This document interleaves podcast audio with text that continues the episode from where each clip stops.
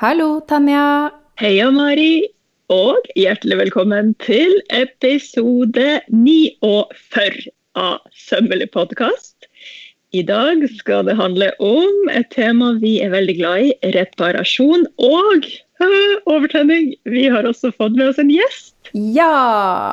Så i dag skal vi eh, invitere med oss Eva Kittelsen inn i episoden.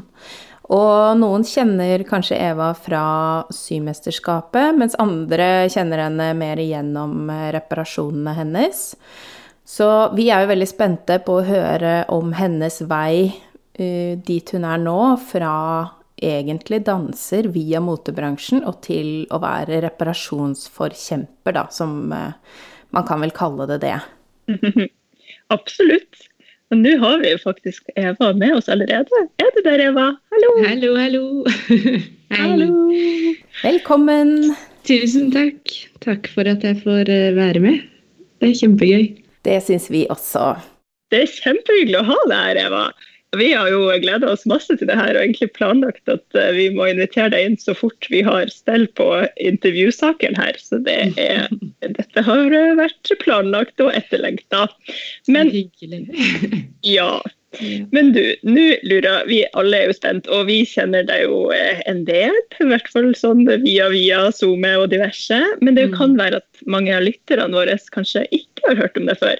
Så vi tenkte at du skulle få lov til å ta en sånn kjapp og kort presentasjon av deg sjøl? Ja, jeg har alltid uh, likt å lage ting fra jeg var veldig veldig liten. Og fikk mye av det inn i blodet, holdt jeg på å si, med farmor som, uh, som uh, drev med mote selv. Og var lærer i rissing, som det het på den tiden. En periode. Altså mønsterkonstruksjon. Men jeg la det litt på hylla Eller la det litt på hylla. Jeg hadde det som en sideting, fordi det jeg egentlig ville, var å bli danser. Og da må man jo gjerne eh, bli det først, eh, fordi kroppen blir gammel fort eh, når man danser. Eh, men jeg måtte slutte å danse av ulike grunner. Og da dro jeg med min nåværende ektemann til England og tok en bachelor i mote- tekstildesign. Og så jobbet jeg etter det i Varne-gruppen med produktutvikling og innkjøp i, i Big Book og Wow i en tre års tid. Um, og så var jeg med i Symesterskapet mens jeg var der.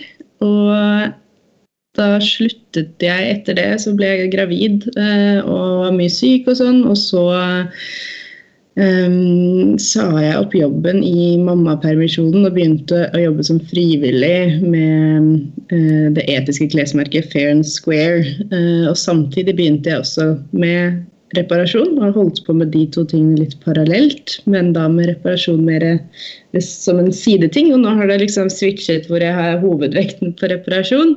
Og Fair and Square er mer noe jeg gjør litt på siden, da. Så det er vel Og nå er jeg der hvor jeg har åpnet nettbutikk og liksom satser på disse på denne reparasjonsforkynningen i full skala. Ja. Mm. Det er veldig kult. Det er veldig gøy. det jeg også syns sånn personlig da, er litt artig, er jo at du også på en måte har den der danse, dansegenet. Yeah. Dansebeinet, eller hva skal jeg si. Ja, det har jo faktisk sjefen min i Fair Square òg. Ja, fordi han, eh, det har jeg lagt merke til. Ja, yeah. Miljøet er jo så lite, så jeg har tenkt sånn Ja, danser. Men var det sånn var det sånn du kom inn i det? Kjente du Nei. Eh, nei. Nei, nei. Jeg, eh, det, jeg visste ikke at han var det. Han jobbet i Fremtiden i våre hender en periode. Og ble opptatt av tekstilbransjen gjennom det, og ble litt lei av bare å samle underskrifter. Ja. Men jeg ble bare kjent med dem gjennom deres kampanje, deres første innsamlingskampanje. Eh, for å starte hele greia. Og syntes at det de gjorde var veldig bra i forhold til hva jeg visste om bransjen. Så var jeg sånn der Ja, men det de gjør, det er det som er løsningen. Det å starte, altså eie produksjonen selv sånn at man kan ta ansvar. For det som skjer så mye i bransjen, er jo at folk sier ja, ja, men den fabrikken ligger i utlandet, de har sine regler. Vi ber dem om å gjøre ting, men vi kan ikke noe for det når de ikke gjør det. Det er liksom Sånn standardsvar. Og når de kom og bare ja, vi er lei av det her, vi starter vår egen, vi eier den, da kan vi betale lønninger og bestemme arbeidstid og mm. sånn, så var jeg sånn ja! det er sånn det skal være. og det var det jeg hadde tenkt at hvis jeg noen gang skulle ha et eget merke, eller noe sånt, så måtte det være sånn jeg gjorde det. Men jeg visste også at det kommer jeg aldri til å klare. For jeg har ikke altså, liksom, Det å skulle drifte noe sånt og starte opp noe sånt, det, det er ikke det jeg kan, på en måte. Så, så, jeg støttet den kampanjen, og så gikk det jo veldig bra med dem. Og da ble jeg litt sånn sjalu, egentlig. For jeg bare sånn de gjør det jeg vil gjøre. eh, og så sendte jeg en mail eh, bare for å spørre om det var noe jeg kunne bistå med. Um, men da tenkte jeg mer sånn bare lage et print eller noe til å ha på T-skjorte eller et eller annet, sånn at jeg liksom kunne bare gjøre en ting. Men, ja. Uh, ja. men da viste det seg at de hadde ingen på produktutvikling eller noe. Og da ble jeg sugd inn i det. Mm. Det som er litt morsomt, er jo fordi vi har jo mange stier som eh, krysser, eh, alle vi tre. Mm. Og eh, det var jo fordi at jeg akkurat hadde hoppa av. mm. For jeg var jo med helt, helt i startfasen yeah. av Fair and Square. Yeah. Fordi jeg har jo også hatt den samme tanken at jeg kan ikke være i motebransjen hvis ikke Nei. det er på riktig måte. Og da de ville starte det, for jeg møtte jo da eh, Sigmund, da, mm. via det prosjektet jeg var med på i Kirkens Bymisjon, der vi lærte romkvinner å sy. Ja. Eh, så det var jo sånn vi Og da begynte han å snakke om det, og jeg var sånn Ja, det er jo det jeg ønsker. Ja, Målet vårt var jo egentlig å starte en fabrikk i Romania, men vi sleit sånn med å finne samarbeidspartnere.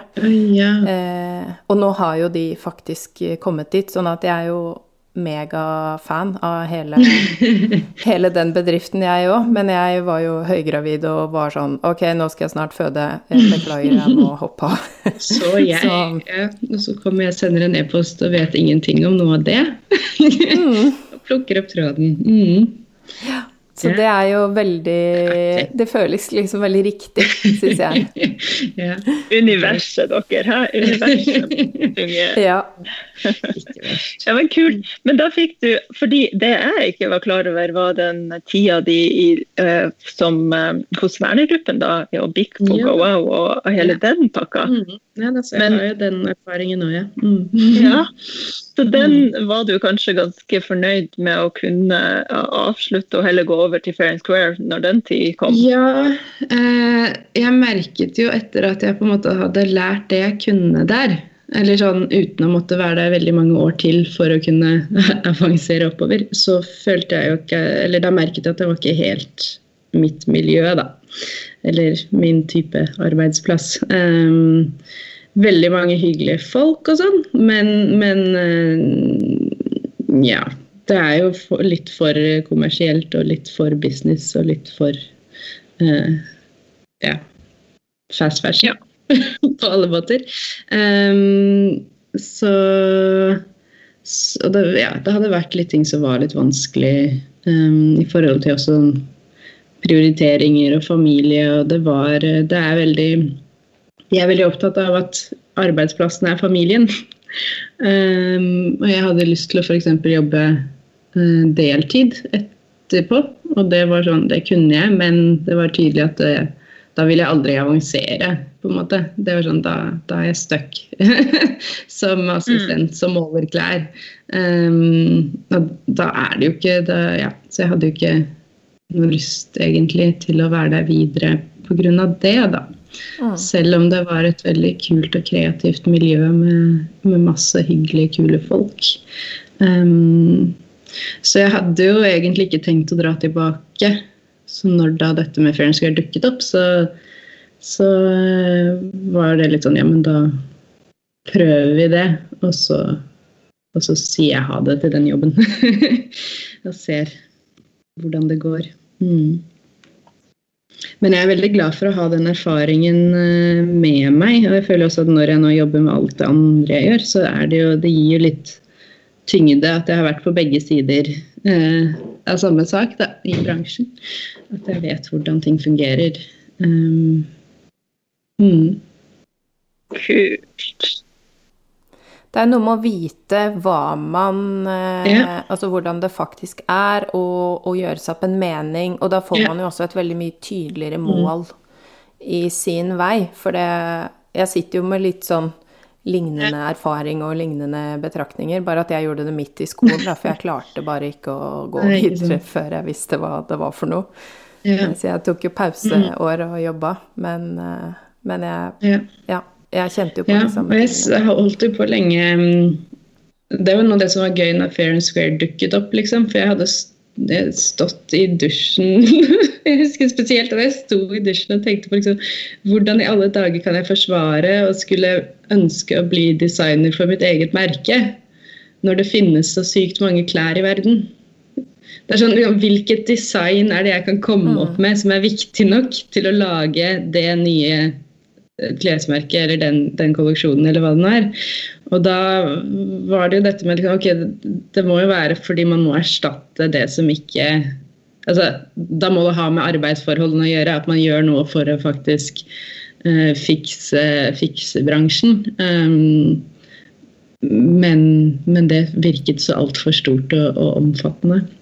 Og jeg hadde jo håpet at liksom, hvis jeg ble lenge nok i, i, Warner, så kanskje jeg kunne liksom klatre opp stigen og så ha litt innflytelse. Men jeg skjønte jo at uh, da burde jeg ha studert uh, økonomi eller bedriftsledelse eller noe sånt for å, komme, for å noen gang skulle ha en sånn type posisjon. da. Hvor, fordi at uh, jeg tror designerne har, har ikke Uansett hvor langt man kommer der, så er det ikke den type ting man får være med å bestemme. ikke sant? Ja, og det er jo i mange bedrifter også litt sånn derre Nei, men sa du det til CEO? Du kan ikke snakke sånn, det er ikke din rolle. Det er et sånt hierarki som man eh, Hvis man dummer seg ut der, så får man i hvert fall ikke noe gjennomslag. Nei. Og det er jo vanskelig. Nå vet jeg ikke hvordan det er akkurat der, men det er jo veldig ofte sånn i bransjen at det, du må være den personen for å kunne si den tingen. Nei, jeg kom ikke høyt nok til at det, at det var noe problem, holdt jeg på å si. Jeg fikk ikke snakket til noen som jeg kunne fornærme. Så det, det, gikk bra. Mm. Ja. ja. Nei da, men det var nok ikke stedet for meg. Selv om jeg lærte veldig mye nyttig der, da. Det gjorde jeg.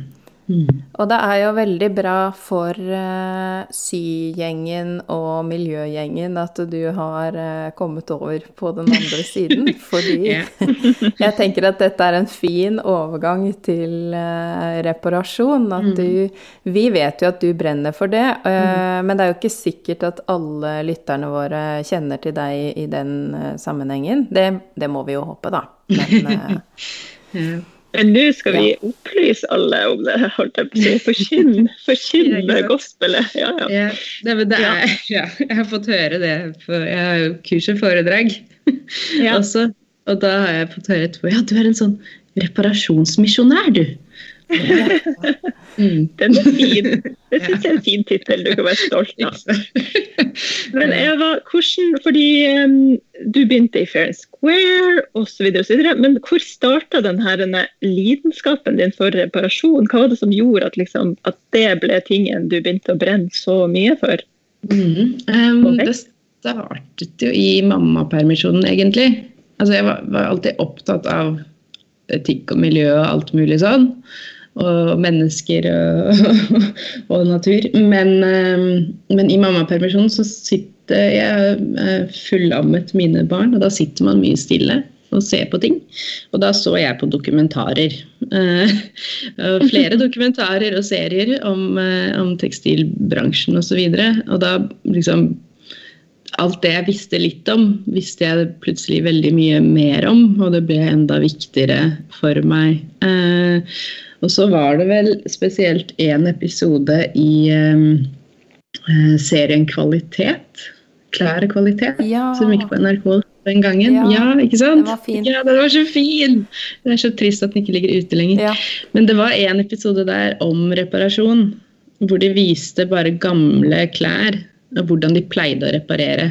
Og de hadde klær fra museer og sånn, hvor man så alle lappene. Og jeg tenkte at åh, det der er jo helt fantastisk.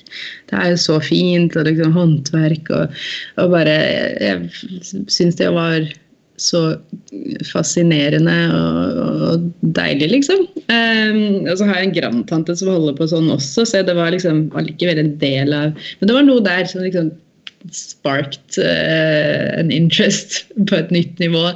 Um, men så, og så satt jeg og tenkte ja, men det går jo ikke an å få folk til å gjøre dette. Fordi hvis man ikke har på en måte den søvnbakgrunnen, så vil man ikke skjønne at det er fint. på en måte. Altså, for jeg syns jo at det er fint også når det ikke er dekorert, eller sånn, bare at det er en fin ting i seg selv, fordi at det formidler en verdi.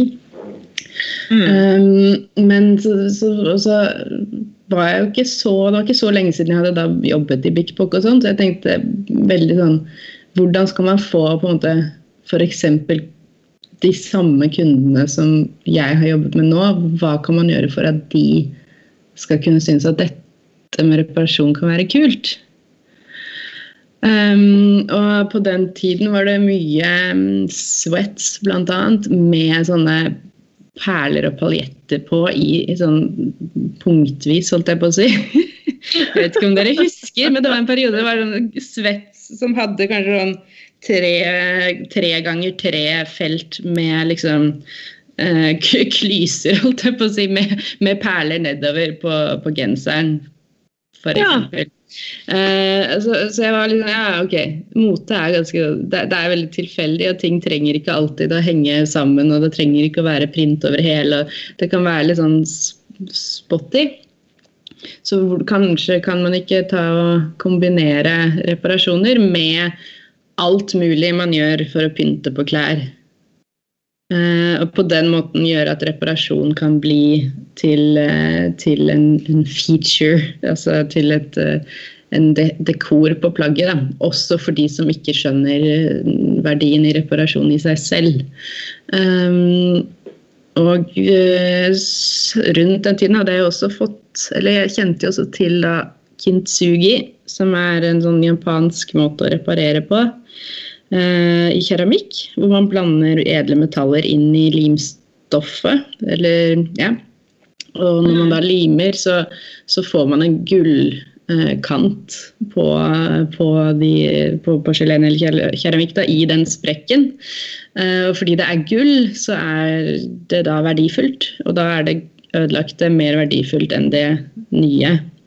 Så, tenker, så, så, helt i begynnelsen så hadde jeg jo lyst til å bruke gull. altså prøve å finne liksom, Da var jeg mer i sånn kunstnermodus. og ville liksom finne gullsmellene og få tak i det gullflak og begynne å liksom gjøre det her på tekstil. Um, og så fant jeg ut at det holder jo altså Det trenger ikke å være bokstavelig gull. Kan, man kan jo finne samme symbolikk gjennom hånd, nettverket, da, som også burde være verdifullt nok i seg selv. Så er det liksom det jeg har bygget uh, videre på og forsket på. Og da hadde jeg jo lyst til å ta en master, egentlig. Da jeg fikk liksom den ideen. Jeg bare Jeg må skrive bok! Jeg må ta en master! Jeg må liksom utforske dette her! Uh, dette er det jeg vil gjøre, var på en måte min sånn greie. Jeg skal finne en måte å gjøre reparasjon til liksom, det som er greia, som alle vil gjøre fordi det er så kult og fint. Um, og det var jo da i 2016 at jeg fant ut det. Jeg på en måte begynte med det. Mm. Mm. Så du hadde lyst for å starte veldig sånn stort ønske om å, om å, gjøre det mer eh, Hva skal jeg si? Mainstream? Ja, ja, Eller Liksom ja, gjøre det mer tilgjengelig, da? Ja. ja. For jeg så jo mange sånne Det er mange tekstilkunstnere som drev med det. Så, for jeg begynte å sø søke på nett, og da så jeg folk som gjorde det. Og så så jeg det, så tenkte jeg at det er kult, men jeg kan ikke se for meg at dette blir mainstream.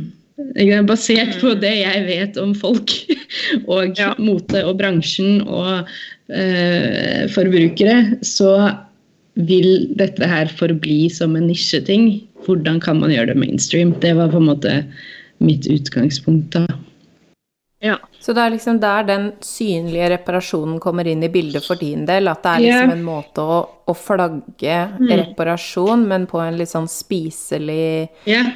måte, og liksom mm. heve det, men men ikke ja. Det er liksom kult, da. Ja. Ikke så hippie og ja, out there. Akkurat. Ja, for, der, er det, for jeg, dro, jeg dro til Fretex og snakket med en der for å spørre om å få litt sånn ødelagte klær der. Det viste det seg at jeg ikke trengte, for det hadde vi nok av. Men, eh, men da hadde, var det det jeg liksom sa i presentasjonen, at, at liksom, det er, eh, ja, det er en, en spesiell type litt sånn ekstra hippie-folk som kanskje kan like den versjonen som finnes. Men dette her er for å, for å få med alle de andre. Mm. Mm. Yep. Ja da.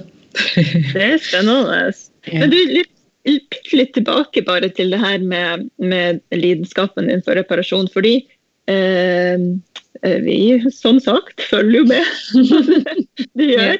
Og jeg, og jeg personlig syns alltid det er veldig gøy å lese det du poster på Instagram, for det er så mye klokskap som kommer ut og inn, inni meg, som jeg setter pris på. Um, og da er det jo ikke til å stikke under en stol at reparasjon er noe mer for deg. Mm. Altså Det er jo noe personlig inni yeah. dette her. Yeah. Eh, kan, kan du si litt om det? Ja, det er mye jeg kan si om det. Jeg ehm, jeg bare lurer på hvor, hvor, hvor dypt jeg skal gå.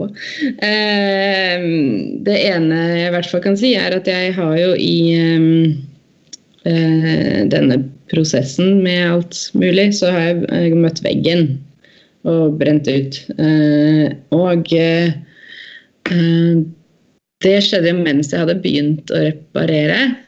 Så jeg har på en måte brukt reparasjon av klær som en slags metafor for det jeg egentlig trenger å gjøre med meg selv. Eh, men som det, er mye vanskeligere å ta seg tid til. Eh, så jeg holdt jo på å reparere før jeg eh, møtte veggen òg. Og jeg skjønte jo da at det, det å ta vare på seg selv var ganske likt som det å reparere klær. Med at eh, det lønner seg å ta tak i ting før heller enn siden. For ellers så blir det mer og mer ødelagt. At det er viktig å ikke bare liksom pynte på utsiden. Liksom, man må forsterke inni også. Det er veldig mye av arbeidet som skjer som ikke, ikke synes, men det er viktig likevel. Selv om andre folk kan tro at man bare bruker masse tid på ingenting. um, og eh, det at, eh, at ting ikke trenger å være likt. Da. For vi har jo veldig sånn generelt eh, en idé, føler jeg, i samfunnet om at ting skal være altså, Det er mye perfeksjonisme, da, og at ting skal være litt sånn statiske. Man skal være perfekte, og man skal gjerne bli mer og mer perfekte, men man skal aldri på en måte forandre seg. Eller bli noe nytt. Ikke sant? Man skal, man skal forbli, forbli ung og være frisk og sterk og sunn og gjøre, liksom, bare fortsette fremover i strak linje, aller helst. Um, men noe som er veldig fint med reparasjonen på den måten jeg holder på med nå, er jo at man kan se at det går an å bli funksjonell og annerledes, og at det kan også være en bra ting. At man trenger ikke alltid tenke at man skal gå tilbake til det gamle, men at det er en evig utvikling og forandring. Og at man på en måte kan, eh, hvis man åpner opp for det, så kan man finne en del andre veier og verdier og måter å forholde seg til ting på, som kanskje er vel så bra, eller til og med bedre enn en det idealet som man hadde i utgangspunktet. Da. Ja. Vet du, det der kan jeg bare skyte inn at jeg kjenner eh, altså For det første så kjenner jeg meg veldig igjen i forhold til dansinga, og at man der liksom alltid eh, skulle prestere bedre. altså uansett yeah. da, man skulle, Enten så skulle man kopiere det beste man hadde fått til, eller så skulle man få det til enda litt bedre neste gang. liksom. Mm. Helt umulig. Men en annen ting som er mye mer nært knytta til reparasjon, er Mm. eh, Jeg tar jo imot reparasjoner på sømrom. Og jeg må alltid ta et dypt pust og liksom kjenne på eh, at jeg også har en rolle i å opplyse når kunder kommer inn med en ting, og forvente at jeg skal kunne klare å gjøre den tingen til det den Mm. en gang var. Eller bedre enn det den en gang var, egentlig. Det er jo det de helst vil. Så blir det sånn OK, da må vi ta en prat. Nå skal du høre. det er jo morsomt at vi er sånn programmert i hodet. Ja, men, ja, men det er jo altså, men det er jo en programmering. Det er jo ikke en eh, Det er vel ikke egentlig sånn vi ble født. Nei, det, er, nei, det er nettopp. software som har kommet inn eh, etterpå. Oh yes. Eh, fordi og det, og det er jo Jeg mener jo at dette er liksom noe av det som også ligger til grunn for veldig, veldig mye av det som er vanskelig i samfunnet for øvrig. da, At man har denne Ja, ja. ideen om at alt skal hele tiden forandres og bli nytt og bli bedre um, i en liksom lineær uh, retning. Um, men eh, ja, man, man, det har vel litt med at man ikke vil akseptere døden, på en måte. Altså Hvis man skal ta det litt dypt, da. Man har en Ja. Mennesker prøver jo å leve evig. Altså Vi prøver jo å utvikle eh, oss og teknologi og medisin alt mulig til at man skal slippe det.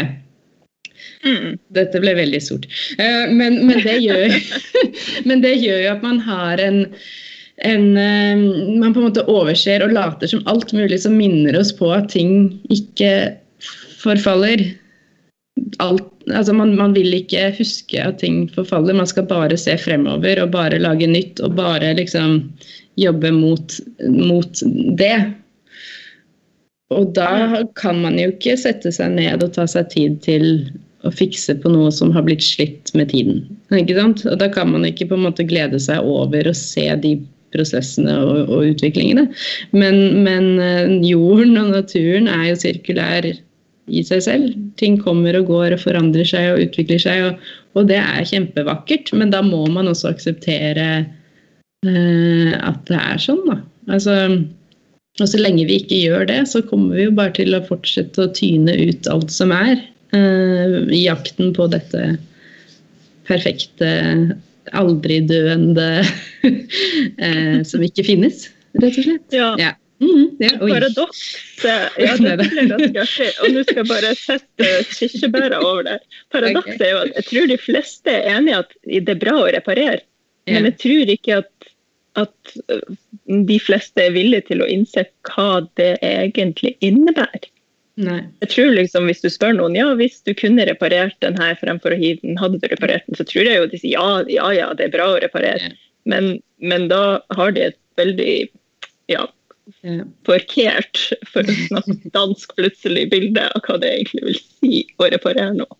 Ja. Og ta vare på det videre. Liksom.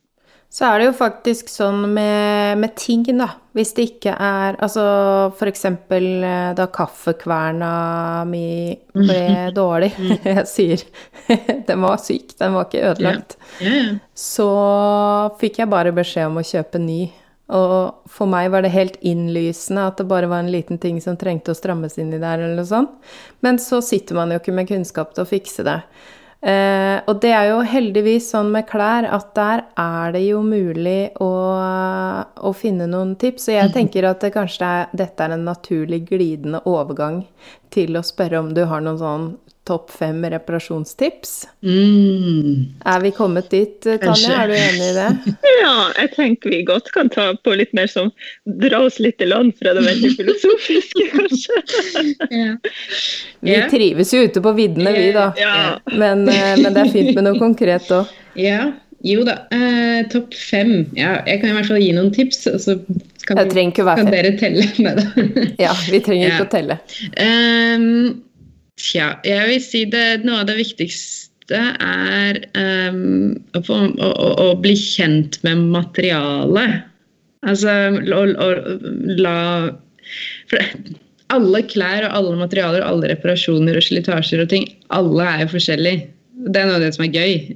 For jeg liker jo at ting hele tiden er nytt. Så det, alt er forskjellig, så det er vanskelig å på en måte lære seg akkurat hva man trenger å gjøre for alt. Men det man kan lære seg, er jo å, å på en måte prøve, prøve å bli kjent med materialene man, man jobber med, fordi da vil på en måte materialet Det blir filosofisk likevel. Da, da, da kan materialet fortelle deg hva det trenger.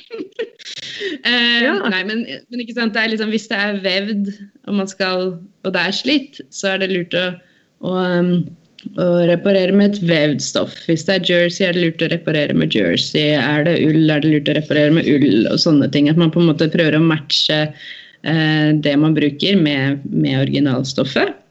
Um, og, um, og da både i tykkelse og vekt og liksom sånn, enten det gjelder tråd eller lapp eller hva det er, at, at man på en måte prøver å finne noe som ligner eh, mest mulig.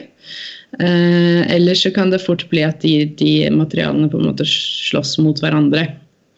Um, og eh, så er det alltid veldig lurt å forsterke eller reparere et mye større område enn der det egentlig er hull. Kommer litt an på skaden, men det er jo gjerne sånn at hvis man har greid å slite hull i noe, da er det jo ofte et mye større område som egentlig er tynnslitt. Så hvis man bare reparerer der, man liksom, der den første skaden er, så vil det veldig fort gå hull igjen. Så man burde kanskje holde det opp mot lyset eller et eller annet, og se på en måte hvor er det det egentlig er slitasje. Og så må man legge noe på, på innsiden eller utsiden av hele det området. Eh, sånn at det ikke blir hull så fort om igjen. Mm. Og så kan jeg anbefale, og det var noe jeg ikke helt skjønte før jeg åpnet nettbutikk, da, at uh, det finnes en nål til uh, hvert sitt bruk, holdt jeg på å si. Det å finne, faktisk begynne å teste ut ulike synåler for ulike materialer og, og, og, teknikker, det kan være veldig gøy. Det er litt forvirrende når man begynner, fordi det finnes så mange. Men når man får kjenne forskjellen på de forskjellige nålene til forskjellige ting, så plutselig så blir det litt morsommere øh, å sy for hånd, fordi man ikke får så vondt i fingertuppene og sånt når man bruker riktig materiale. Um, så det, det, å ha, å tillate seg selv å kjøpe litt forskjellige nåler og, og lære seg litt om det, det, det er fint. Um, og så er det lurt å ta ting så fort man oppdager det, hvis man har mulighet til det. Uh, så jeg, sånn, jeg bretter klær på litt sånn uh, dårlig, kjapp Marie Kondo-måte, holdt jeg på å si. Hvis dere kjenner til det. Altså, jeg bretter jeg har alle klærne på høykant i skuffene, så det er lett å finne istedenfor at det ligger i bunker. Så når jeg bretter klesvask, da tar jeg på en måte en annen, da, da, får jeg da ser jeg hele plagget. Det er ikke sånn at jeg bare bretter det sammen, men jeg legger det ut flatt. Og når jeg bretter, så finner jeg hvis det er noe. Og da legger jeg det til side, sånn at jeg får tatt det forhåpentligvis. Da, eh, da kan det hende at det blir liggende et års tid. Men, men jeg prøver liksom å, og i hvert fall at man ikke fortsetter å bruke ting som er slitt. For da, i det det har blitt litt slitt, da, så går det ofte veldig fort før det blir veldig mye vanskeligere å fikse det. Så det er alltid lurt å ta liksom, passe på klærne og, og holde litt oversikt og ta ting underveis. Det var mm. kanskje omtrent fem ting. Det var fem fine ting. Det var jo litt sånn svevende, men Det var eh, i hvert fall Veldig, det var i hvert fall veldig gode tips, og hvis du brenner inne med noe mer, så er det også lov til å skyte inn. Men vi har jo også lurt litt på om det er noen sånne gode quick fix-løsninger som, mm. som, du syns at faktisk fungerer. For det er jo eh, Jeg så her om dagen at du skrev noe om det at uh, det er faktisk lov innimellom å bare stryke på en lapp, eller Det er liksom Det er noe med at noen ganger så er det bedre å gjøre noe enn ingenting. Ja, jeg likte den posten også godt, for det er så fort at det blir sånn hierarki i reparasjonsverdenen òg. At det må være den feteste, peneste reparasjonen for at man mm. liksom skal orke å gjøre det. Ja, og jeg, ja, og jeg, har jo, jeg har jo merket det også, at folk liksom er litt sånn For jeg har jo jeg lager jo de, de mest kunstneriske reparasjonene jeg har gjort. Det er bare for at folk skal skjønne Oi, reparasjon kan være gøy. Liksom, det er bare for at folk skal bli interessert i reparasjon i det hele tatt. Men det har jo også gjort at f.eks. inne på den Facebook-gruppa jeg har, som heter My Visible Men, så er det folk som, som, legger ut ting og så er det sånn Ja, jeg har, jeg har, ikke fått brodert på den, da, men nå er den i hvert fall fikset. Og det er litt sånn Ja, men det er jo det som er det viktige, ikke sant? Sånn at uh, Jeg har jo ikke lyst til at det skal bli sånn at man føler at det må være sånn som jeg gjør. Det er på en måte bare markedsføringen for konseptet. Mm. Men det viktigste er jo at det blir fiksa sånn at man kan bruke det. Men, eh, og at man gjennom At man da liksom lærer at det er, det er Jeg syns jo egentlig at det ofte er vel så fint. Mm. Fordi det hedrer i hvert fall eh, håndverket akkurat som det er. Uten at man trenger å tillegge det noe. Så jeg syns det er kjempefint når det er bare en, en ren reparasjon uten noe stæsj. Um, men hvis uh, raske tips, da. um, så nylonlapper, det er sånt som funker og ikke funker. Um, mm -hmm. Det funker på riktig materiale. Det er det. Uh, så man, det finnes jo sånne nylonlapper som Det er som klistremerker, nesten. Så man bare klipper ut den biten man vil ha, og så kan man uh, feste det oppå et hull. Uh, og Det brukes jo ofte på regntøy og, og yttertøy, og sånn, men det funker ikke på f.eks. grove materialer på knærne på, på uh, parkdresser og, og, sånne ting. Men det kan, fikse, uh, det kan funke på, på dunjakka hvis det har blitt et hull på den. Eller av og til på regnbukser og, og, sånne ting. Det må være liksom så glatt materiale som mulig som man fester det på, da, sånn at det ikke kommer noe luft eller dritt eh, under og imellom sprekkene i fiberen i mm. stoffet som man fester på. Eh, så det er en veldig quick fix på de tingene det faktisk funker på. Men det er mange som blir frustrert fordi man prøver det ofte på andre materialer, og da funker det jo ikke. Um, men en annen ting som er kjekk å gjøre, er å bruke flisofix. Uh, som er sånn limstoff. Uh, dere snakket om det i den uh, stabiliseringsepisoden. I hvert fall får dere innom det. Ja. Um, så det, det, er bare at man stryker lim Eller ja, stryker lim på stoff, og så tar man av papiret som det var festet på, og så kan man stryke da, den stoffbiten på klærne eh, oppå et hull. Og det er jo så veldig raskt. Og jeg er veldig fan av det. Jeg liker jo ikke egentlig så godt strykemerker eller strykelapper, for jeg syns det ofte er stivt og sånn, og man får ikke alltid tilpasset materialet sånn til det materialet plagget er. Men med flisofix så kan man jo ta av et hvilket som helst stoff man har liggende, og så lage sin egen lapp. Og det holder ganske godt, så man trenger jo egentlig ikke å sy engang uh, ofte. Men jeg foretrekker jo at man da syr i tillegg. Men det er lurt å ikke bare gjøre det hvis man skal ha maskinsøm. Eh, hvis man gjør, tar håndsøm oppå det igjen, så kan det være litt tungvint, da, for den teip, eller det limstoffet blir jo litt sånn hardt og stivt å sy gjennom. Så da, hvis jeg skal sy for hånd, så foretrekker jeg å ikke bruke flis og fiks. Um, for da blir den syopplevelsen etterpå mye, mye mer kronglete og mindre flytende. Mm. Da kan man jo f.eks. bruke en sånn liten limpenn bare for å holde ting på plass. For det er jo yeah. det først og fremst yeah. den flisofiksen gjør, at mm. den liksom holder ting sammen.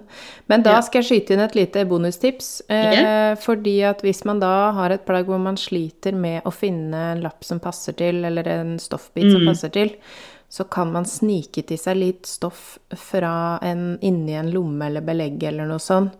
Ja, eh, og bruke til den eh, lille lappen. For det kan man jo mm. bytte ut med et annet stoff som det ikke er så farlig ja. med om det er feil farge eller Ja, sånn inni hetta på en jakke eller eh, Ja, det fins. Mm.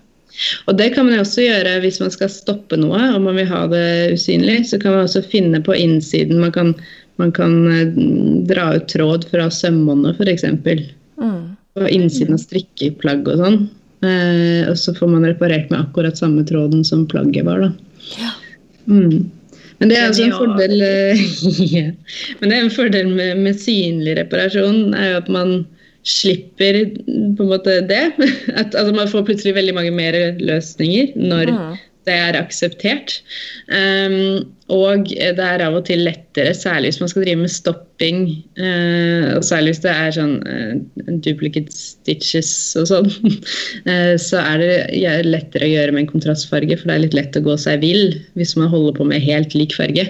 Mm. Sånn at når man lærer det, så er det veldig fint å bruke en kontrastfarge, egentlig. da. Ja. Så man, eh, ja, ellers så trenger man veldig godt lys og gode briller, holdt jeg på å si. Mm. Det kan bli litt vanskelig uh, i lik. Mm. Og så liker jeg veldig godt den, eh, det med synlig reparasjon, at man på en måte reklamerer litt for det yeah. å drive med reparasjon når det synes. Yeah. Det er som en mm. liten reklameplakat i seg selv, og det er vi vel alle tre fan av å forkynne det budskapet. ja.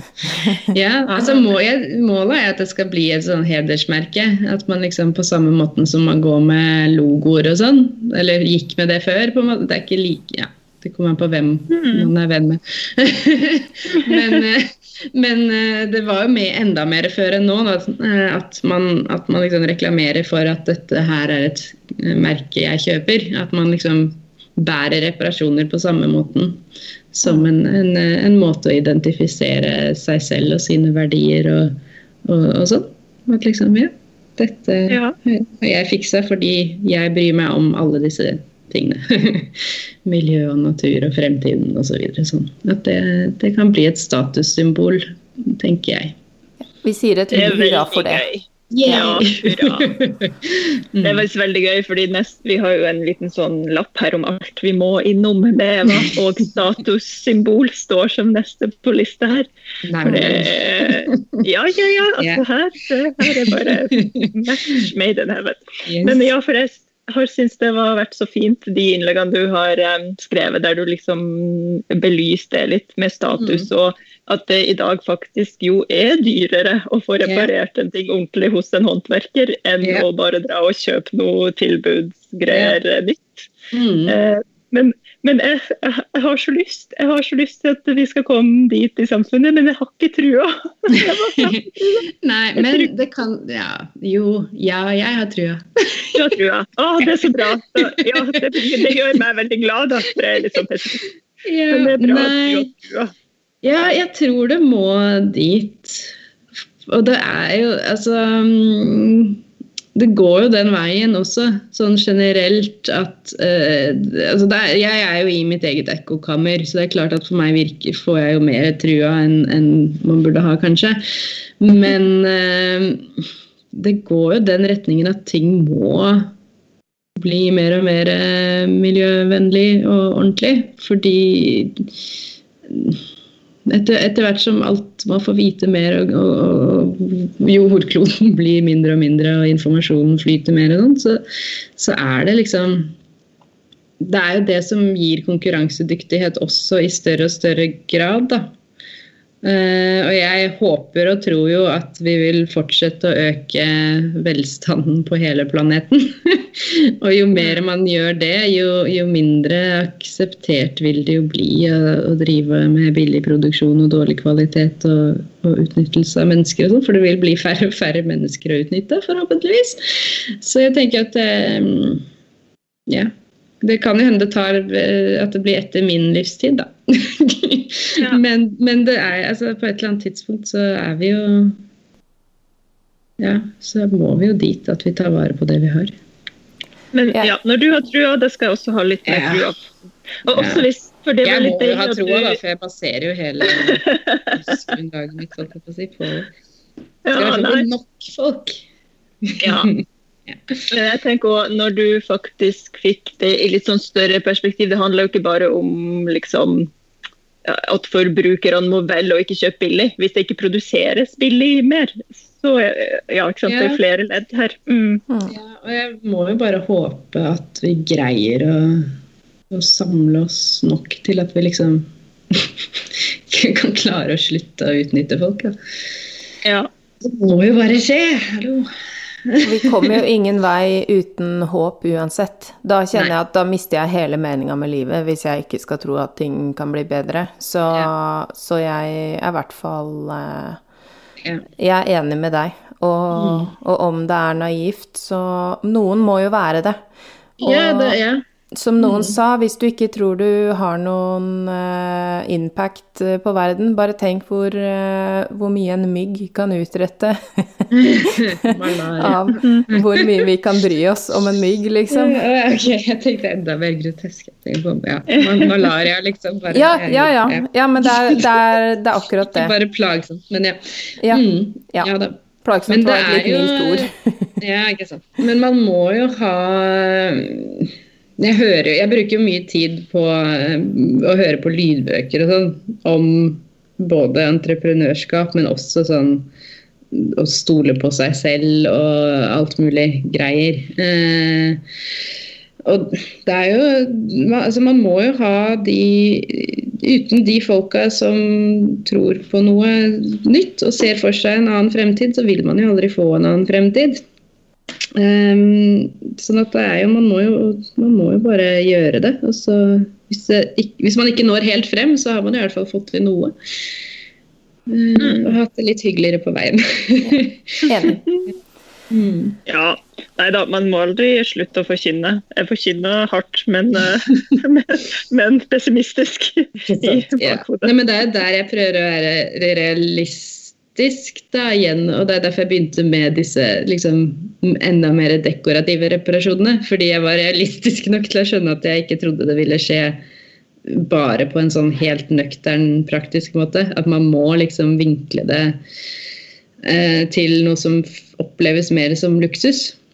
Mm. Um, for det er jo sånn samfunnet er skrudd sammen. Altså Historisk sett så er det jo alle mulige trender eller ting. Det kommer jo fra på en måte overklassen og nedover, holdt jeg på å si. Altså det er Og Det har jeg også skrevet et blogginnlegg om uh, for, lenge siden.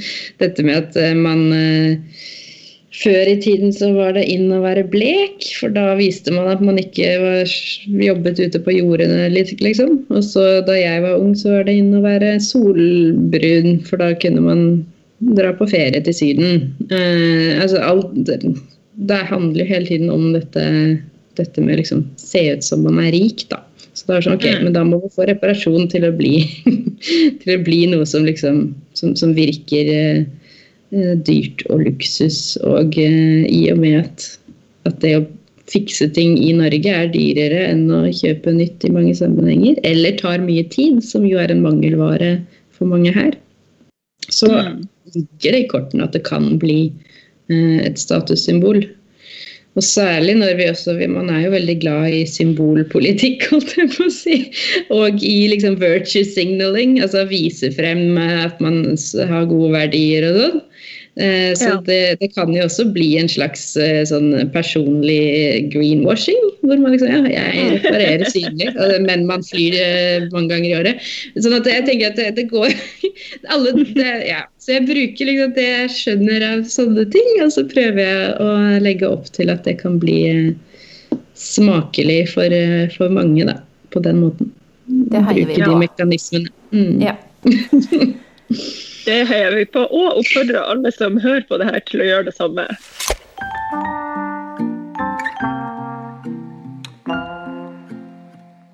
Ok, sånn at eh, hvis folk da tenker at og reparasjon høres veldig gøy ut, men litt sånn åh, jeg aner ikke hva jeg skal starte med, hvilke teknikker bør jeg bruke, hva Har du liksom noe du vil anbefale som en sånn favorittversjon? Eller bare sånn, hva anbefaler du? Mm, jeg anbefaler at man begynner med det man har. Um, for jeg tenker Det viktigste er jo at man bare gjør noe. Nå kunne jeg reklamert masse, men, men, men, men det er noe med det å bare ta den der nålen og tråden, og så prøve. Fordi man lærer gjennom det òg. Men uh, tråklesting, eller vanlig rettsøm, opp- og nedsting, det er liksom Man kommer veldig langt med det. Enten det gjelder å, å, sette på en lapp hvor man bare bruker det over hele lappen, istedenfor å måtte ha noe fancy ting som ikke synes, eller noe dekorativt. eller noe sånt. Eh, og sånn er det stigesting det heter, når man syr sammen en søm for hånd. Eh, altså, så stigesting og tråklesting er på en måte det man trenger, og man kommer veldig veldig langt med det. Eh, og man kan begynne med, med den nåla man har, og den sytråden man har liggende. og så og så er man liksom i gang. Og det er det viktigste. For når man først har gjort det, da, da er det jo litt lettere å, å, å komme videre etterpå. Mm. Men, eh, men, eh, men jeg har jo nettbutikken, da. og den eh, prøver jeg jo Målet med den er jo å gjøre det lettest mulig for folk å komme i gang. Så jeg prøver jo å ha lange produktbeskrivelser og sånt. sånn at selv hvis man ikke kjøper noe, så skal man på en måte kunne gå inn og se på ting for å få hjelp til å skjønne hvordan man bruker det. Forhåpentligvis. Um, og uh, så finnes det jo veldig mye ressurser på nett.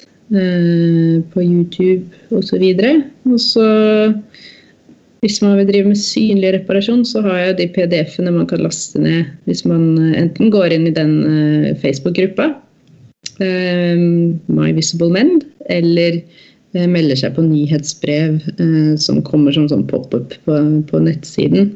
myvisiblemen.no. Så får man lastet ned noe der som har litt sånn beginnerinstrukser. Eh, og litt sånn av de broderistingene som er fine å begynne med og sånn også, da. Men det viktigste er jo bare å, å prøve da jeg begynte, jeg kunne jo ikke Altså, jeg kunne jo litt om søm og sånn, men, men, det med reparasjon og håndsøm var jo fortsatt likevel ganske nytt for meg. Og så, så gjelder det å være litt nysgjerrig og bare teste ut. Man skjønner mest gjennom det, gjennom å prøve og feile. Ja, og, være, å, ikke være så redd for å eksperimentere litt. Det, ja, ja. ja, og så er jo det som er, det er jo det jeg ofte sier, da, som er så fint med reparasjon, er at plagget er jo allerede ødelagt. Uh, så med mindre det er liksom et kjempeviktig arvestykke som man bare må ta, ta vare på, så har man jo stort sett veldig lite å tape på å teste. Så det er liksom Det er bare, bare å gjøre det. Mm. Mm. Kult. Perfekt. Men Eva, fortell meg, syr du egentlig noe sånn særlig utenom reparasjonene til dags, eller går det? det går, du får liksom tilfredsstilt sykløen gjennom reparasjonen nå om dagen? Ja, nå får jeg nesten ikke reparert heller. Å oh, nei! Er så mye nettbutikk og, oh. og greier. Um, ja. ja. Nei, men jeg har jo jeg har oppdaget at jeg har jo egentlig alltid sydd veldig lite. I forhold til sånn når jeg hører ser på liksom, hva hobbysyere holdt jeg på å si, gjør. De sier veldig mye mer enn jeg noen gang har fått til. Fra, fra etter at jeg studerte, så har jeg liksom sluttet å sy. For da begynte jeg å jobbe med det, og da ble det alt mulig alle andre deler av prosessen enn søm. Men um, Nei, jeg syr veldig lite nytt. Det gjør jeg ikke. Men jeg sydde et ninjakostyme til sønnen min nå, da, som ble fem på mandag. Av noen gamle laken som jeg liksom bare tok Ja, lagde en omslagsgreie med, og et belte og en hette. Så det, men det blir mer sånn bare sånn tilfeldig plutselig. Men det lang, går lang tid mellom hver gang jeg drar frem symaskinen, og det gjør det. Um, ja. Hvis du mm. liksom skulle sagt sånn én drømmeting du skulle ønske at du kunne satt deg ned og sydd, hva hadde det vært? Har du liksom en sånn Å, en dag skulle jeg gjerne sydd en sånn bukse eller sånn kjole, eller jeg har Nei, ja, jeg, jeg, har egentlig veldig mange sånne, men det aller meste av det er jo å justere eller fikse på ting jeg har, da. Mm. Fra før. Eller sånn arveklær og sånn, som jeg har lyst til å sy mm. om litt. Um, men jeg har noen stoffer som jeg drev og håndfarget og silketrykket på universitetet, som fortsatt ligger. Eh, som jeg har veldig lyst til å lage noen litt fine, enkle klærne i litt sånn eh, litt sånn Bare helt sånn minimalistisk, holdt jeg på å si. A-line eh, litt sånn enkle kjoler, fordi de klærne er ganske organiske i seg selv. Det er litt sånn ull som er håndfarget med litt sånn bladmotiver på og sånn. Jeg syns det hadde vært fint å ha eh, få brukt det. Lagd noen fine basics av det i de, i de fargene og printene. Og så kombinere det med alle de vintage-klærne jeg har arvet, som jeg gjerne vil si om. Mm. Så jeg har jo som mål å bruke Jeg har masse klær hengende etter både grandtante og farmor eh, som jeg vil tilpasse, da, eller fikse på. Så, målet mitt er å bruke det for å lage tutorials og sånn også. For, for meg handler reparasjon ikke bare om flekker og hull, men det handler også om på en måte å få gjort klær brukbare. Mm. Mm. jeg tenker det er veldig mye man kan gjøre der. Eh, jeg tenkte på det da dere snakket om stabilisering. Jeg vet ikke om det er den episoden jeg hørte sist, eller hva, men den sitter, for da tenkte jeg veldig på det at det er så mye man kan gjøre også med billige klær for mm. å få dem til å bli bra ved å liksom legge inn stabilisering i kragen f.eks. Sånn at den faktisk sitter sånn som den egentlig skulle. Eller eh, legge inn et eh, horsehair braid i eh, hemmen, altså i kanten på et skjørt. Eller det er, det er, mye man kan gjøre for å løfte et plagg, da. Mm. Og, tenker, og det, for meg er det på en måte også en del av denne reparasjonstingen. å ta begynne å forstå kvalitet og passform, og så, og så jobbe med det og inn i det eh, i alle lag av garderoben. Mm. Mm. Så jeg har en drøm om å liksom få bakt det inn i min bedrift eh, som en sånn personlig greie, som også da kan støtte rundt bedriften. Mm. Det gleder vi oss til å følge med på. Ja, vi får se om det kommer. Men eh, ja, jeg håper det. Mm. Mm. Ja. En dag. En dag. Forhåpentligvis litt i 2021. Mm. Ja. Um, som du kanskje vet, da, hvis du har hørt noen episoder før, så har vi jo ukas feil og ukas innspo, så da tenkte vi at det kunne vært gøy å høre om du hadde noen reparasjonsfeil eller noen uh, innspo som du vil dele. Mm. Um, den første feilen jeg tenker på, det, for det er jo ikke faktisk en sømting, men det er at av og til i nettbutikken så er det sånn at jeg får ordre, og så er det feil i varetellingen. Og det syns jeg er så trist. Men, og så må jeg sende melding til kunden og sånn. Og det er sånn, det har skjedd nå. det, liksom, det var det som lå i hodet. Eh, fordi det, da føler jeg at jeg har gjort en feil og sviktet. Men uh, alle er jo kjempehyggelige. Så når jeg skriver, så er det sånn det gjør ingenting, bare ta den fargen i stedet, eller et eller annet sånt. Men hver gang så får jeg sånn angst og gruer meg til å liksom for jeg føler jeg har feilet. Men, eh, men det går jo stort sett bra. Men, men, en reparasjonsfeil Det er ikke så mye jeg har gjort der i det siste, men det er jo generelt å, å glemme eller gjøre for lite stabilisering, da. At man legger inn for lite på, på, på, baksiden eller noe, og så revner det igjen ganske fort etterpå. Så det, det har jo jeg også gjort. Uh, og gjør det. Av og til er jeg litt for ivrig, og jeg vet det kommer til å skje, men jeg har ikke noe imot å reparere igjen. Så jeg bare, hvis jeg har noe jeg vil teste, så bare kjører jeg på. Og så er det sånn Ja, ja, jeg får fikse det når det går opp igjen om en uke. men, ja, det har nettopp skjedd meg at en yeah. bukse som har revna i rumpa sikkert fem ganger allerede, mm. revna igjen fordi den biten burde vært tre centimeter lenger. ja. Så det, ja, det er vel hovedgreia. Inspirasjon um, Da vil jeg egentlig si uh, de to Instagram-kontoene som på en måte jeg begynte Eller til de der tekstilkunstnerne jeg begynte å bli inspirert av, det er jo litt gøy, kanskje. For det var på en måte der min ja. reise begynte. Det ene er Tom of Holland, eh, som driver med mye synlig reparasjon. Mm.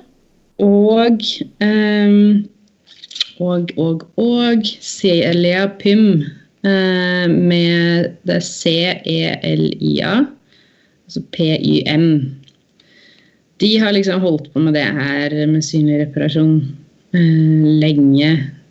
Og var mine inspirasjoner da, for fire år siden. Så, så de kan man jo sjekke ut. Um, mm. De skal vi passe på å linke til eh, på Instagram eh, når den tid kommer, når episoden kommer ut. Ja. ja. Det fins jo masse nå, da. Og det er så gøy. Masse mm. bøker og sånn. Det var ingenting du... da jeg begynte. Nei, ikke sant. Men har du en egen hashtag også, Eva? Sorry, nå bare Ja, det har jeg. Du, ja. jeg, bruker, eh, jeg bruker synlig reparasjon og My Visible Mend. Ja. Så synlig reparasjon begynte jeg jo med i 2016. Da var det ingen som hadde brukt den ennå i Norge. Um, og uh, My Visible Men er jo da koblet enda mer direkte til nettbutikken, da. Eller merkevaren. Ja. Mm. ja. Og det er vel Så også det sånn... Instagrammen din heter? Unnskyld? Ja. ja. det er jo det Instagrammen min heter, ja. Mm, den den uh, mer proffe. jeg får sånn jeg merker at jeg blir sånn æsj, proff, æsj. Jeg har litt sånn derre ja. Jeg bare hørte det når jeg sa det, at jeg liksom ser ned på det. Det er litt teit. Jeg må ja, si at uh, du er ikke den eneste som syns det er flaut å reklamere for egne greier. Jeg, har, uh, det er folk som kjenner meg godt, yeah. som har sagt sånn jeg hørte hvor ubekvem du var den der episoden hvor du var nødt til å reklamere for den tingen. yeah. Kjenner meg Nei, men jeg, ja, jeg synes bare det er vanskelig bare det der å ha liksom, skulle ha en fin feed og, og sånn. Og liksom for du at det er et press mm. for å ha en fin feed på proffkontoen din? Jeg, jeg, føler at uh, jeg trenger å ha det for å nå igjennom til folk. Fordi jeg mm. vet at det selger bedre. Uh, men det går jo imot hele greia mi. Men den eneste måten å nå ut til folk med budskapet, er å gjøre det, på en måte. Eller ikke den eneste måten, men den mest effektive måten da, å formidle reparasjon, er å gjøre at det ser pent og ryddig og cleant, og liksom At, at det er liksom hvitt og, og helhetlig. Eh, så det er noe jeg gjør for å på en måte appellere til flest mulig. Mm. Men egentlig så skulle jeg ønske at alt bare kunne være rotete, og at det var godt nok. Um, så der er det sånn, ja. Uh, og det er jo min personlige konto. Den er jo mer bare whatever jeg gjør den dagen, legger jeg ut. Og så tenker jeg ikke noe mer på det. Det har gått litt i bølgedaler hva jeg gjør der. Men nå som jeg har den andre, så er det i hvert fall sånn ja, ja, da skal jeg i hvert fall ikke bry meg om farger eller uh, hvordan ting er i, i den uh, Eva Kittelsen-kontoen, da. Jeg føler på samme så. måte, så jeg sitter og nikker og nikker. ja, men for jeg, har liksom, jeg vil ikke være kommersiell, men jeg vet også at man må være det. ikke sant? Mm. Men, men, det går jo imot hele budskapet. Mm. Så det er en litt sånn der ek... Eller sånn, ja. Og så er det, det er jo egentlig ganske lett, på en måte. Det som er vanskelig, er jo å klare å nå gjennom uten å gjøre det. Mm. Så, og det er det samme med liksom altså, vi, Man kan jo vise Gjøre mer Ha mer sminke og mer pupper og mer rumpe. Og, altså, ja, men det, er, det, er sånn, det skal ikke så mye til nødvendigvis å få oppmerksomhet eller nå ut eller bygge. Eh, hvis man bare gjør en del ting som man vet man kan gjøre. Uh, og for meg er det å ha en hvit, litt sånn clean feed er på en måte en av de tingene som, som ser proft og vanskelig ut, men det er egentlig det letteste av alt, på en måte. Mm. ja, men det er, eh, sånn, ja, det er en oppskrift. Det er det. Og jeg liker ikke å måtte følge den, men jeg, men, eh, men jeg prøver å tenke på hva er liksom, det viktigste. Det viktigste er å, få, å nå ut til flest mulig og få flest mulig til å reparere. Og da tar jeg de valgene jeg må for å komme dit. Og det er det samme kan jeg si det er det samme i nettbutikken og sånn. For det er noen som kanskje vil tenke på, hvis det er greit at jeg prater litt om det, ja, ja. at um, um, det er jo noen som er veldig sånn De har som, som, det er mange andre i reparasjonsmiljøet som også har nettbutikker. Og de er kanskje enda mer sånn alt skal være organic, ingenting skal ha plastemballasje. Alt er liksom farget med naturmaterialer, alt er gjenbruk. Eh, veldig sånn. Og det syns jeg er kjempekult. Men Uh, men det er ikke den raskeste veien til målet. ikke sant? Sånn at uh, jeg Der igjen prøver jeg å bruke min kompetanse fra å jobbe mer kommersielt. Uh, og så på en måte fokusere på å få bedriften til å vokse og overleve, fordi jeg stoler på min, mine egne verdier og integritet. og at, at den veksten vil brukes på riktig måte, fremfor å gjøre alt på den aller mest miljøvennlige måten helt fra starten og aldri komme ut av startgropa. Mm. Um, og, og også liksom at det er bedre å bruke noe litt mindre miljøvennlig for å reparere noe, enn å kjøpe noe nytt, uansett. Uh, og der sitter jeg jo en sånn derre og lurer på hvor langt kan man tøye den argumentasjonen?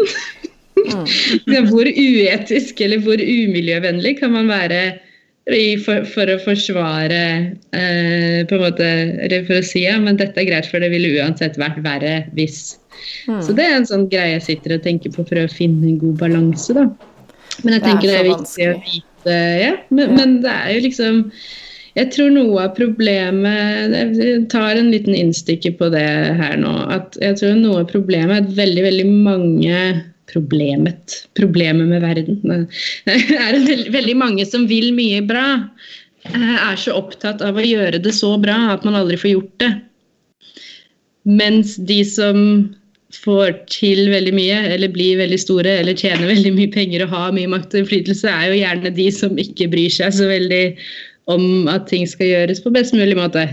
Og da blir det veldig vanskelig for alle de som kanskje egentlig skulle hatt litt sterkere posisjoner i samfunnet um, og konkurrere med alle de som kanskje ikke bryr seg.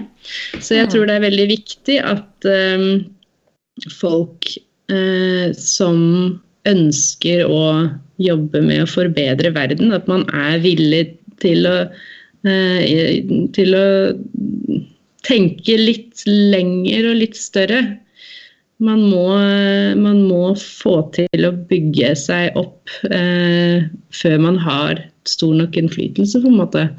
Og da kan man ikke alltid gjøre alt på aller beste måte. Altså, da må man jo bo i en hytte i skogen med uten internett og med vann eh, fra brønnen, liksom. Og da får man ikke påvirket så mange.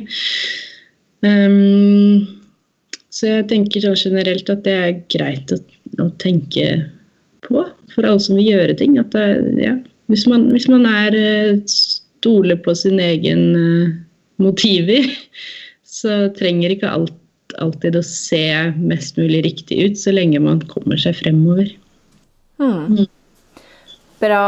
Jeg syns det, det, er mye bra tanker du kommer med, og vi kunne holdt på i timevis, vi. Så jeg tror at vi må, må, bare tillate oss å invitere deg tilbake en annen gang. Gjerne det. Gjerne. Mm.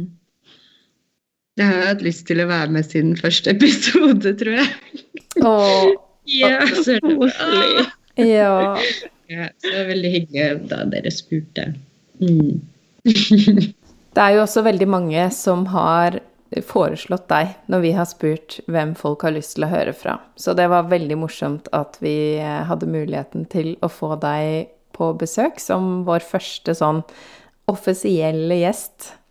Ja, Så hyggelig. Tusen takk. Helt enig med Mari. Det har vært superstas å ha deg her, Eva. Så da tror jeg bare vi avrunder her. Dette ble en lang og god episode, som seg hører med. Så da sier også jeg tusen takk, og så sier vi ha det bra. tusen takk. Ha det bra. Ha det bra. Ha det. Hei da. Ah, ja, det ble bra. Har du lyst på enda mer sømmelig innhold? Da kan du bli en støttekontakt eller en skytsengel for podden på Patrion. Da går du inn på www.patrion.com slash sommerlig. Der får du masse mer tips og triks, og kan også støtte podden, så vi kan fortsette å produsere den. Har du noe ris eller ros, eller har lyst til å følge oss på sosiale medier, så finner du oss på Instagram. Der heter vi sommerli-podkast med k. Og du kan gjerne sende oss en mail på sommerli.podkastmedk.gmail.com. Og så vil vi si tusen takk til Andreas Prestmo i Wildhagen Studios, som eh, klipper og får oss til å høres fine ut. Og tusen takk til Synnøve Overid, som lager den fine musikken vår.